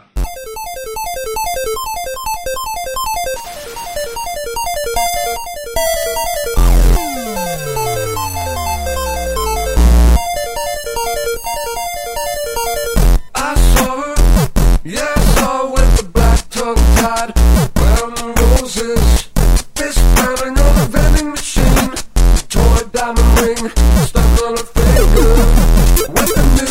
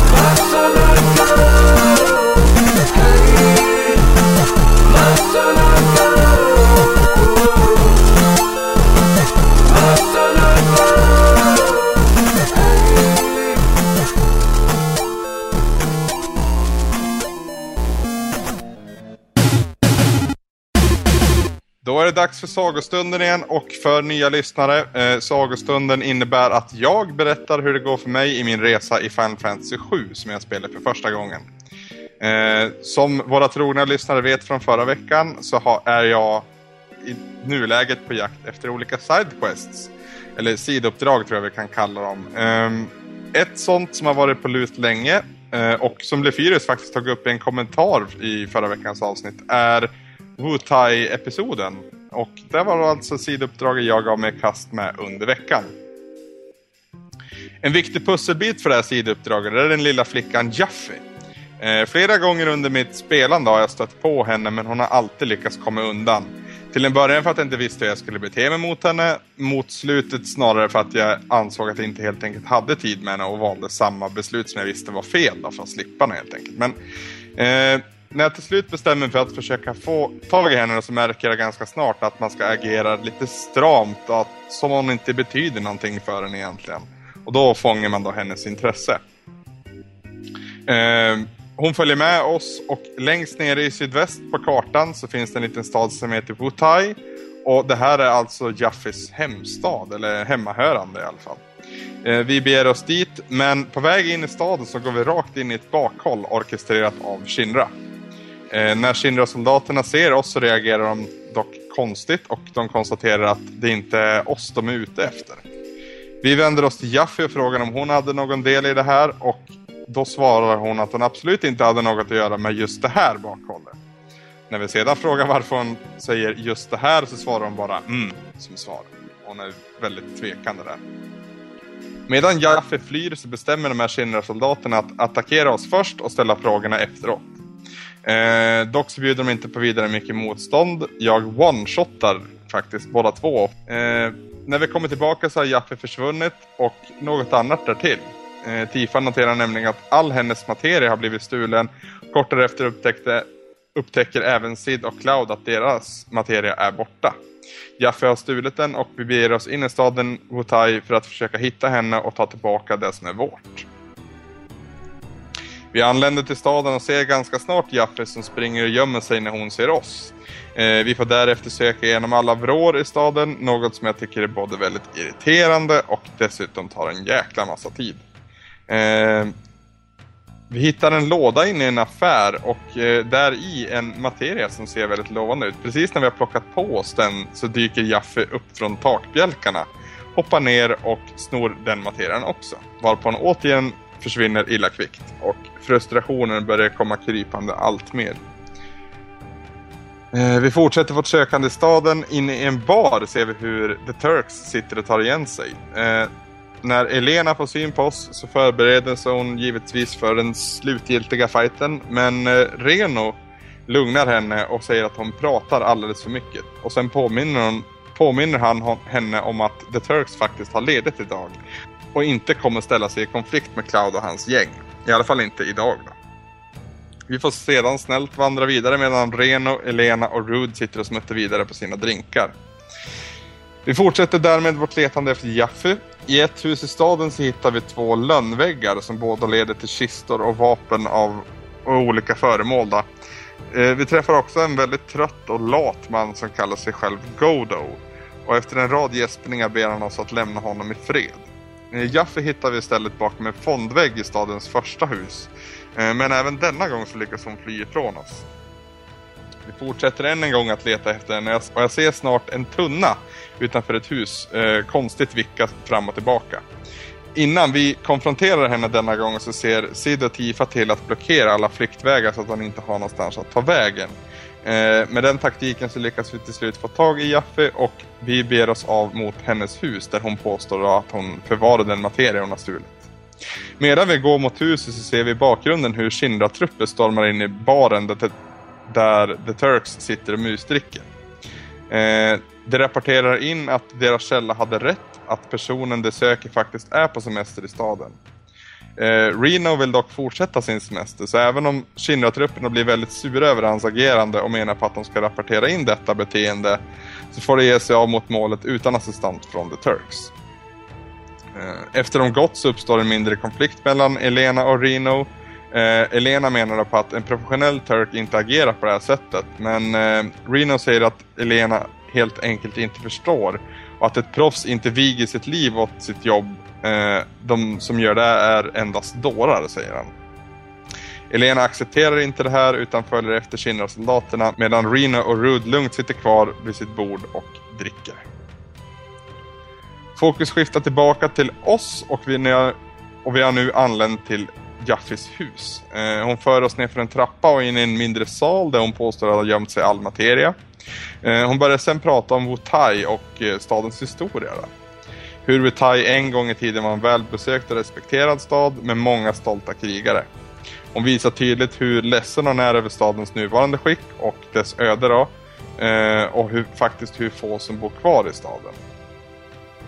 hennes intention med att stjäla vår materia var ju att liksom ge staden ett bättre rykte ja, resa upp stadens rykte igen. Cloud avbryter hennes monolog här och säger att han varken bryr sig om staden eller hennes känslor. Han vill bara ha tillbaka sin materia och så länge han får det så kommer han sedan att stryka ett streck över allt som har hänt mellan de två. Jaffe visar oss till en switch på väggen och ber oss dra i den för att få tag i den här materian.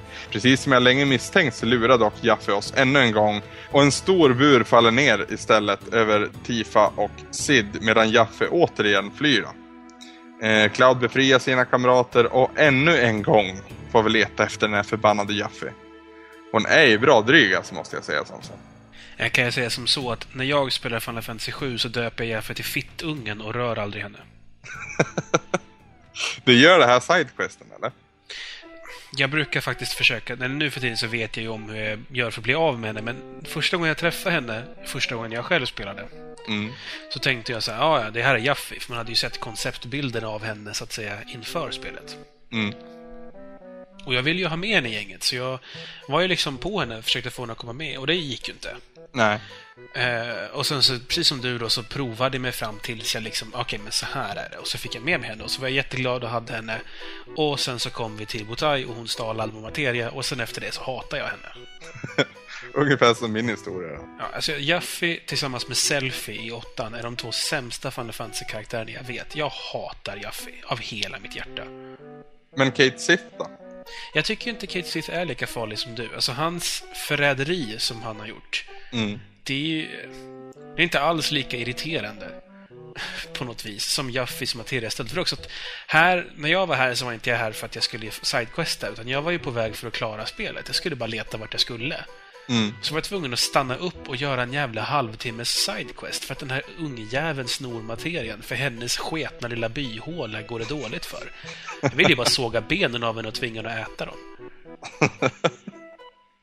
ja, jo. Alltså jag är inte samma inramning så att säga. Men jag stör mig ju väldigt mycket på henne fortfarande. Just för att hon springer och gömmer sig hela tiden. Och jag är värdelös på att leta. Så det, det blir att jag går och trycker och känner på allting där innan det är färdigt. Men eh, ja, hon är bara irriterande. Jag fattar inte varför hon är med. nej, faktiskt inte. Den här gången hon har gömt sig nu, då är det ju snudd på omöjligt att hitta henne. Jag spenderar säkert en timme med att bara springa omkring och prata med alla, känna efter knappar eller dolda väggar. Eh, till slut så hittar jag en switch på en staty och den switchen öppnar av en väg under själva statyn. Väl där inne så ser vi ett bekant ansikte från förr. Eh, Corneo, eller Don Corneo som snusgubben från Midgar heter, eh, befinner sig nu här och han har tagit både Jaffe och Elena till fångna för sina nattliga utsvävningar. Då. Eh, vi jagar honom upp till ett annat rum där Shinra-trupper som också är ute efter Corneo dyker upp. Dock så missar de honom när de försöker attackera honom och de attackerar oss istället. Eh, ja, precis som tidigare Shinra-fighten så är ju de här trupperna väldigt veka för mig nu. Jag är ju rätt så hög level känns det som. Eh, ingen vidare huvudvärk i fighten. Dock så har Corneo givetvis försvunnit när vi är färdiga och vi får återigen leta oss genom staden. Efter lite omkring vandrande och eh, utfrågande bland byborna så visar det sig att Corneo har rymt mot bergen. Reno och Rue dyker också upp från The Turks och meddelar att de också är på jakt efter, eh, efter Corneo. De har nu inte längre semester då, utan de har gått in i arbetet för att rädda Elena. Eftersom vi också är på jakt efter Corneo, då för att få tag i Jaffrey, så bestämmer vi oss för att samarbeta. Eh, detta är dock, som Reno påpekar, endast en temporär lösning. Eh, bergen vi beger oss mot består egentligen mestadels av en gigantisk staty, eller monument om man så vill, och liknar faktiskt lite Mount Rushmore, måste jag säga.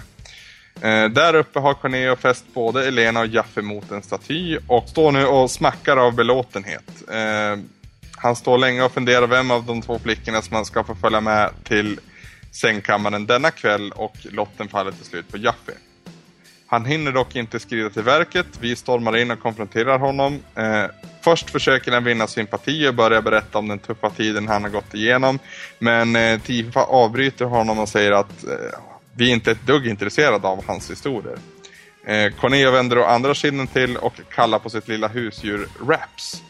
Eh, och det är här det börjar gå upp för mig att jag med all säkerhet är bra mycket mer kraftfull än vad jag borde vara här. För bossen den kan i stort sett inte ge någon skada alls på mig och eh, fighten klockar in som nog den kortaste boss, bossfighten hittills faktiskt.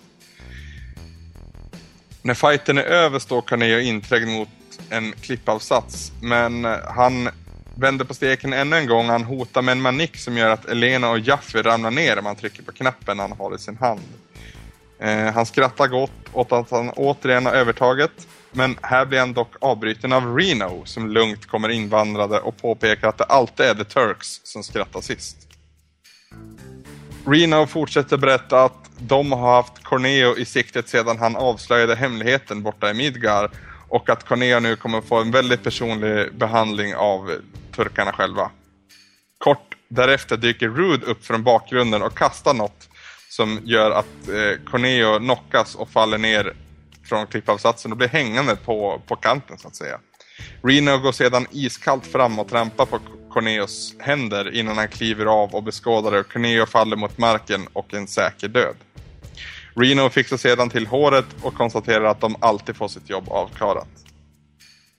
Kort därefter får Reno ett samtal från högkvarteret. Där får han tydliga direktiv att deras nästa mål är Cloud. Att hitta och konfrontera honom.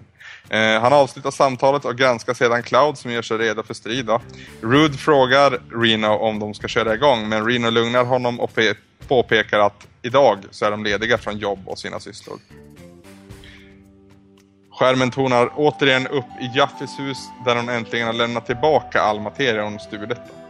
Eh, dock så verkar inte hon ha så stor koll på vem som hade vad. Så all materia är huller om buller i en väldig oordning och vi skiter mest i det. Vi packar ihop och vi lämnar staden för ett tag.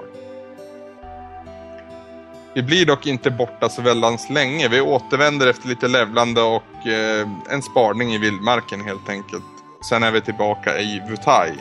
Ehm, och vi besöker ett hus som vi hittills inte blivit insläppta i för att det måste vara någon från staden med i partyt. Nu har vi då Jaffe med i partyt. Ehm, så jag misstänker att det finns någonting att göra här och därför beger jag mig dit. Och det har jag ju då rätt i. Det vi ställs emot är en rad olika bossfighter, alla på varsitt plan i det här höga huset. Eh, en liten men väldigt viktig detalj är ju att det endast är Jaffe som slåss i de här fighterna. Och det här var någonting som jag faktiskt visste eh, innan. Och, och därav har jag utrustat henne med bra utrustning, bästa föremålen och en och annan väldigt användbar materia.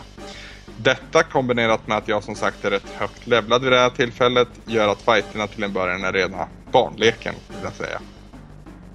Taktiken jag använder mig på de här fighterna är att jag kastar haste och regen på mig själv till en början. Eh, ser till då att jag alltid har statusen Fury vilket gör att jag får använda Jaffes limit break gång på gång. Och de fyra bossarna på husets fyra våningar faller alla relativt enkelt. De samlas alla sen på den fjärde våningen och berömmer Jaffe för hennes utomordentliga förmågor. Eh, därefter avtäcker de att det faktiskt finns en femte våning och en femte mästare. Denna mästare visar sig faktiskt vara Godo, som också är Jaffes pappa får vi reda på här. Och han verkar kanske inte vara så lat som vi från början trodde. Han säger sig vara väldigt imponerad av sin dotter och att hon nu kommer få en ordentlig prövning. Han ber henne att inte hålla tillbaka det minsta, att hon ska agera så som hon ville döda honom. Om hon inte gör det så kommer han istället att döda henne. Den här fighten den är förvisso svårare, men tack vare en ribbon som Jaffe bär så blir de flesta av Godos attacker oanvändbara för honom.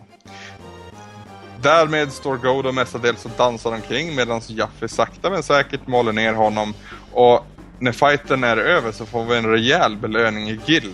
Och jag vet inte varför egentligen, men vi får en jäkla massa gill just här. Eh, de båda vaknar sedan upp, båda utmattade och nöjda med varandras prestationer. Då. Godo tycker nu att Jaffe är en fullärd krigare och ger henne som en symbol för detta materian Leviathan.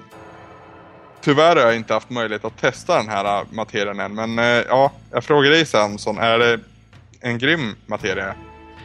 Alltså den är ju jämförbar med de andra, eh, så att säga, elementalmaterierna du har. Alltså det är ju på samma nivå som Ifrit och Shivo och Company. Ja, Okej, den är rätt så tidig den här alltså. Mm. Alltså Leviathan, du, du känner till den mytologiska varelsen Leviathan? Ja, jag har ju stött på han tidigare. Ja. I både fyran och sexan. Vatten misstänker jag att hans grejer. Sen eh, har jag för mig att den kanske till och med är med i Pirates of the Caribbean och sånt där också. Det, det är ju... Ja, då, då, kallas, då kallas den Kraken. Ja, det är en annan snubbe. Ja. Okej, Leviathan är alltså en form av vattenorm ungefär. Mm. Och är väldigt, väldigt vanlig i jättemycket tv-spel. Sån här klassisk, jag minns till och med inte ens var exakt ifrån den kommer, men det är en sån gammal mytologisk eh, fantasyvarelse mer eller mindre. I stil, Mm. i stil med Kraken, till exempel. Mm. Mm. Så det är, det är ingen supermateria och det är egentligen lite sent, men eh, det är ändå kul att du har fångat upp den, för den känns som att man vill ju ha alla liksom. Ja, man vill ju framförallt se animationen för den, eller ja, animafilmen kan man väl kalla det snarare. Kort därefter så börjar Jaffe störa sig på konceptet med det här tornet, eller ja, huset eller vad man ska kalla det då. Eh, och menar på att om de är så skickliga krigare, varför gömmer de sig då här och låter Wutai förvandlas till en turistort? Eh, Godo står tyst för sig själv ett tag och erkänner sedan att det här är hans fel. Eh, efter han förlorade ett krig då så hade han svårt att hitta motivationen till att slåss trots att han satt på så mycket kraft. Han menar på att det är lika onödigt att ha kraft utan motivation som tvärtom. Därefter ber han Cloud att ta med Jaffe på vår resa eftersom han tydligt kan se hur vi har både motivationen och styrkan som krävs för att, ja, kort sagt, rädda världen. Eh, han ber Jaffe slåss för stadens ära och namn och givetvis för att komma tillbaka helskinnad. Vi beger oss alla ner för trappen igen, men Godo viskar tillbaka Jaffe och menar på att vi i partiet säkerligen inte kommer behöva den materia som vi sitter på när allt är över. Han ber därmed Jaffe att återigen stjäla all materia från oss, eh, men inte då förrän allting är över. Äpplet faller inte långt från trädet har jag hört. Därefter är jag klar med Wutai-uppdraget och eh, något motvilligt får jag väl lov att säga ändå så har jag en ny partymedlem också. Hur den är så har jag fått ut mycket från Wutai och dessutom eh, en och annan ny materia som jag gärna ska testa och jag vill ju som sagt se Leviathan. Eh, vart den här resan leder mig till nästa gång vet jag inte, men det är någonting vi får höra om i nästa veckas sagostund. Ja, Anders, det verkar som att vi har lite, lite samma, åt samma håll i alla fall, om vad vi tycker om Jaffi som karaktär. Ja, jag är inte ensam i, på mitt område där jag bor heller så att säga. Jag spelar den här episoden hos min granne faktiskt. Och det var även så jag visste att jag skulle utrusta Jaffe just i den här tornen. Mm. Det var han som berättade för mig. Och vi ska komma in på en annan rolig grej alldeles snart. Ehm, men han, han har också en väldigt brinnande hat gentemot Jaffe kan jag väl lugnt konstatera. Ehm, jag tror, finns det någon som har tyckt Jaffe var rolig så får de gärna lämna en kommentar och beskriva vad det var de tyckte var fascinerande med henne. För jag tycker hon känns jävligt onödig. Mest som en nagel i ögat faktiskt. Eh, som jag sa, spelade hos min granne och han berättade om en glitch i Final Fantasy 7. Det finns nämligen en ö långt ute i öst. Eller en, en samling av öar och en av de öarna sitter på en grotta. Vet du vad jag pratar om då Samson? Ja, Anders, jag tror att jag är med dig. Det finns eh, faktiskt flera stycken sådana här små öar, så att säga, med en liten, liten grotta på. Eh, och det är ju mycket riktigt en guldtjockbo du behöver för att ta dig dit, egentligen. Mm, jag hittar ju dock ett annat sätt. Eh, Den här eh, grannen jag, jag nämnde tidigare, då, han, han visar mig ett YouTube-klipp. eh, Där liksom en kille...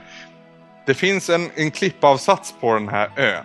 Och landar man sitt, sin highwind på rätt sätt så hamnar Cloud på fel sida om den här klippavsatsen så att han kan gå in i den här grottan. Och det var någonting jag lyckades med på första försöket och han hade tydligen försökt med det här en hel dag utan att lyckas. Så, så det, det, det uppstod ju lite så här, ja, hatkärlek kanske man kan beskriva det som. Eh, hur den är då, så kommer jag över ett objekt då som, eller en materia rättare sagt, som är väldigt, väldigt bra och eh, någonting som jag egentligen inte borde sitta på just nu om jag inte hade ja, farmat upp en guldchocobo. då. Eh, den här materian gör är att du parar ihop den med en annan magi. Och när du använder den här magin då som du parar ihop med så använder du den fyra gånger istället för en gång på varje turn. Det här betyder i sin tur att du kan använda till exempel Ultima som jag har under mitt förfogande nu fyra gånger på, på, på din första runda. Och det gör ju att det finns ju väldigt få fiender som egentligen har en suck. Faktiskt. Måste jag säga. Så jag känner mig väldigt overpowered just på grund av det här. Så jag, jag står nästan lite i valet och kvalet om jag ska verkligen ska använda det här just nu. Eller om jag ska vara ärlig mot mig själv och inte börja använda den förrän, förrän jag har min guldchocobo. För jag vill nästan ha en guldchocobo innan jag avslutar den här resan. Alltså jag säger som så, gör... Spela på som vanligt utan den här, men hamnar du i en krissituation att du inte kommer klara det, så var inte rädd för att använda den här istället för att spara om och försöka, eller alltså ladda om och försöka en gång till. Ja, jo. Det är väl ungefär så jag tänkte också. Men jag har inte, som sagt, så har jag inte stört på, stött på några större bekymmer under den senaste tiden. Det var ju när jag låste upp Vince, som sagt. Det var som mest krisaktigt. Eh, men det känns ju som att det har kommit, du har nämnt några weapons. För övrigt, weapons, som inte finns på kartan enligt Aloysius, Mm. så, så har både du och han fel. För det finns inga weapons ute och flyger, däremot finns det ett förbannat jävla weapon i vattnet har jag upptäckt. Mhm. Och det vapnet, eller weapon, är inte snäll mot mig alls. Lyckligtvis hade jag sparat innan jag tog den här ubåten ner i vattnet. För jag började utforska det här kort efter Wutai-episoden. Och då kommer det en, ett sånt här weapon simmande. Och det var ju inte direkt medvetet att jag skulle ge mig i kast med han. Men liksom i och med att jag gjorde det här så tänkte jag, ja men jag prövar väl då och ser vad jag kan göra. Men eh, det skulle jag inte ha gjort. Jag kommer inte riktigt ihåg vad, eller jag vet inte om man får det beskrivet heller vad det här eh, vapnet heter så att säga. Men eh, att ett vapen det står det ju klart i alla fall. Jag fick ju ordentligt med pisk. Det var två attacker från han. Och inte mer än det så var jag helt väck. Så ja, Samson, vet du vilket vapen jag pratar om? Den du möter här, alltså det är Emerald Weapon.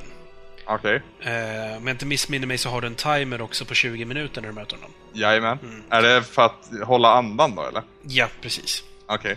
Imponerande att den kan hålla andan i 20 minuter alla tre. Ja, det är dubbelt mot vad Guybrush Threepwood klarar. ja, precis. Nej, men det, det finns ett item du kan ta som tar bort den här 20 minuters gränsen för det är Jag har aldrig någonsin klarat det på under 20 minuter kan jag säga. Oj, Eh, det betyder att det är en riktigt fet bossfight alltså. Det finns de som hävdar att det är den svåraste i hela spelet. Ja. Ehm, Jag tror att jag också håller med om det. Alltså, jag har egentligen inte tajmat den här hur lång tid det tar, men det jag vet är att jag försöker se till att fixa ett item som gör att jag kan hålla andan i evigheter. För, just för att jag vill inte ha tidspress på mig. För det är så mycket annat du måste hålla på med i en sån fight. Ja. Ja, jag har gett mig fan på att nu, nu har jag fått stryk av den här rätt så ordentligt med stryk. Det tog, jag tror inte det hann gå två minuter heller på den här timern. Eh, men jag har gett mig fan på att den här ska ju dö innan jag är färdig med Final Fantasy 7. Så någon gång. Eh, Vill, vill du ha ett taktiskt tips? Ja, varför inte? Okej. Ehm, det finns en materia-kombo som är väldigt, väldigt passande att ha just i den här fighten. Mhm. Först och främst så finns det en supportive materia som heter Final Strike. Mm, det betyder att även om du har dött så får du göra en sista grej. Precis. Den av Phoenix då till exempel. Exakt. Ja, ja. Det- jag misstänkte det. Jag vet att det, den där materien, jag minns inte vad den heter, men eh, den kommer ju rädda skinnet på mig. Jag, kan inte tänka mig att det finns något vettigare sätt att lösa det på. Nej. Eh, den här Phoenix-materian, den är bara level 1 för mig än. Hur pass mycket levelar den? Eh, Alla har väl, eller alla materier har väl fem nivåer om jag inte är helt ute och cyklar. Nej, det har de inte. Vissa är olika. Ehm, jag vet inte. Kolla. Jag kommer faktiskt Äh, inte ihåg. För jag tänkte, jag vet inte hur mycket hälsa Phoenix återställer. Jag har inte använt den så mycket faktiskt. Troligtvis för att jag inte haft så mycket problem då. Eh, men återställer den verkligen full hälsa på alla? Nej, den bara väcker dem så att de inte är döda. Det är typ Life 1 då, den använder tekniskt. Ja, eller typ som en Phoenix Down. Ja, precis. Det är magin motsvarande item, så att säga. Mm. Eh, men det vore ju fint om Phoenix efter lite levling gjorde Life 2 eller någonting sånt så att man... Eh, ja, så att man, eh, vad heter det, fick fullt liv också. Jag minns faktiskt inte. Jag tror att när det gäller just de här så är det mest att levlingen gör att du kan lägga den flera gånger i samma fight. Mhm. För det kan du, är ju också någonting du kommer behöva, för det är inte en gång han gör den här attacken som har ihjäl alla. Nej, verkligen inte. Han, han började med att göra en attack som bara hade ihjäl Tifa. Mm. Och hon, hon har ju fortfarande rollen som min healer va. Men eh, de andra sitter ju också på lite basic förmågor. Typ att de kan, eh, de kan kasta en vanlig heal och väcka någon till liv. Mm. Om inte annat med items då. Men det gick ju alldeles för fort. Alltså för, för att hinna ens nudda den här killen va. Det, det, det, just det här är ju en fight du inte ger dig in i utan att veta precis vad det är du är upp mot och hur du ska statta dig själv för att klara det utan problem. Ja. Jag har sett YouTube-klipp på folk som tar den ganska, ganska snabbt och jag är helt sanslöst imponerad, men det är ingenting som jag orkar göra själv. Nej. Nej, jag kommer ju vara overpowered så det bara sjunger om jag. Ja, ja. Eh, Men jag ska ju definitivt ta det här förbannet. Jag ska ju ta alla vapen i, i tanken. Men men. Eh, ska vi börja runda av Samson? Jag hör hur din röst bara skriker efter att få vila. Ja, i- Vi går vidare på nästa veckas spel. Jajamän. Till nästa vecka så ska vi spela Game Gear-versionen av Castle of Illusion starring Mickey Mouse. Mm. Och det släpptes då 1990, även för oss europeer. Mm. Ja, det här är alltså uh, Musse Pigs första Sega-spel någonsin. Eh, och det är också det första eh, i en serie som, som ibland då kallades kort och gott Illusion-serien. Mm. Och det är egentligen fristående spel, men de är allihopa liksom Musse Pig i någon slags magisk värld. Och då är det Castle of Illusion, World of Illusion, som jag hade med på min topp 100-lista, Mm, mm, mm. Land of Illusion och slutligen Legend of Illusion. Eh, Jag har förstått det som att det här ska vara ett riktigt jäkla bra spel och just Game Gear-versionen skiljer sig då markant från eh, Mega Drive-versionen, för det är ju ursprungligen ett Mega Drive-spel. Mm. Jag ska också nämna att den finns i en eh, portning till Saturn faktiskt. Oj. Eh, jag vet inte om den går att få tag på för oss då, men Sega Ages, eh, minns du vad det var för något va? Inte på rak arm faktiskt. Det var så Sega återsläppte en massa gamla spel på skivformatet till Saturn och döpte av Sega Ages. Ja, just det. Ja, jag var ju aldrig inne så mycket på Sega när det väl begav sig. Utan det är ju så, så här i efterhand mest som man har bekantat sig med deras maskiner. Okej. Ja, det släpptes i alla fall ett som hette Mickey Mouse and Donald Duck. Som då var alltså det här spelet tillsammans med Quackshot. Också ett Mega Drive-spel fast då med Kalle i huvudrollen. Mm. Eh, ganska bra spel måste jag säga. Det tyckte jag var riktigt kul. Hur som i alla fall, Castle of Illusion Star Mickey Mouse är det vi ska spela till den här gången. Vi har ju som sagt valt Game Gear-versionen. Dels för att vi inte har spelat särskilt mycket Game Gear, dels för att eh, när jag var liten så hade jag en egen Game Gear och lånade det här spelet. Mm. Och jag vill minnas att jag tyckte att det var riktigt, riktigt roligt. Ja, olikt förra veckan så har jag faktiskt kollat upp det här spelet i förväg nu. då. För det skulle jag ha gjort med Spider-Man X-Men-skiten där, men... ja. eh, och det här ser ju betydligt roligare ut. På en gång. Av de få klipp jag lyckas hitta på spelet. Jag minns det ju som ganska kul också. Det var i och för sig liten, dum i huvudet och spelade på en Game Gear. Ja. Eh, Så man vet ju inte hur mycket av det som egentligen stämmer. Men jag är väldigt nyfiken på att veta om det här faktiskt är så kul som jag minns att det ska vara. Mm. Det blir spännande. Ja, men Anders, då är det inte så mycket kvar att göra idag. Nej, precis. Vi får väl ta och gå igenom det som man alltid behöver gå igenom precis här på slutet. Vill man lämna kommentarer på det här avsnittet så gör man precis som vanligt så att man går in på retroresan.se och skriver direkt efter inlägget vad man tycker om det hela. Eller så gör man det förstås via våra respektive forumtrådar vid wearegamers.se, loading.se och gameplayer.se. Länkar för alltihop finns förstås på vår egen sajt retroresan.se. Vi finns också på Facebook, då är adressen facebook.com retroresan. Var det för svårt att komma ihåg så finns det en länk till det också från vår sajt. Vi finns också på Twitter, där heter vi Retroresan. Gud vad vi är originella där. Mm, mm. Och det går också att mejla oss och då är det retroresan save.se.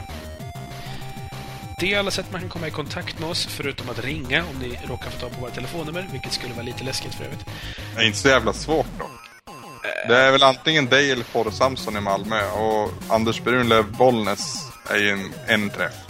Det är precis sant. Det går att få tag på oss. Det är mest bara Ni, ni märkligt. att- får ringa mig om ni vill. Jag brukar inte svara om det inte är nummer jag känner igen, men... Eh, gör ett försök om ni känner er sugen. Jag brukar inte svara rent generellt, för jag tycker inte om att prata telefon. Nej, det går bättre på Skype. Ja, precis. Väldigt märklig historia egentligen. Man kan ju prenumerera på oss. Det är lite av poängen med en podcast. Och det gör man ju förstås med RSS eller via iTunes. Går ni ändå in på iTunes, lämna jättegärna en recension, precis som Brojen gjorde. Det uppskattar vi alltid jätte, jätte, jättemycket och då syns vi lite mer, då kanske fler hittar oss och då blir vi ännu bättre. Och kanske någon dag om 10 000 år så är det någon som minns tillbaka på Kommer ni ihåg den dagen när Samson och Anders satt och pratade om Spiderman och X-Men? Gud vad Anders hatade det. Ja. Det skulle vara kul. Det är en korrekt ihågkommen, eller vad säger man? Ett korrekt minne i alla fall. Fast då kanske historien förvanskas så det blir att du blir älskad jätte- jättemycket. Ja, älskade att hata, eller hur var det? Det var jag som älskade att hata det, du bara hatade det. Ja.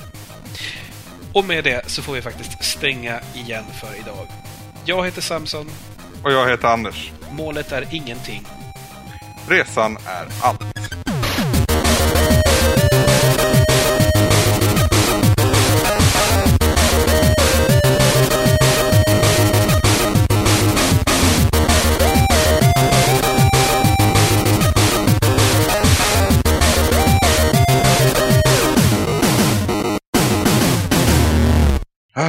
Se, se Matchstick Man. Ja, eller någon annan film som han har gjort där han är fullständigt värdelös. Jag säger inte att han gör varenda roll bra, Samson. Nej, jag säger att han gör kanske en eller två roller okej, men resten skit. Du har ju inte sett... Alltså. Ah, Okej, jag har inte sett Matchstick Man. Jag kan tänka mig, jag lämnar utrymme för att han kan vara bra där, men det skulle vara typ först... Okej, jag har sett två filmer där Nicolas Cage gör ett bra jobb. Alla andra jag har sett har varit sjukt dåliga. Nej, de är inte sjukt dåliga. I mina ögon. Och förhoppningsvis en del av vår publiks ögon. Det var du som valde det här spelet, Samson. Man ska inte sparka på en man som hostar, Anders. Nicolas Cage är säkert rökhosta han också. Och du sparkar på han hela tiden.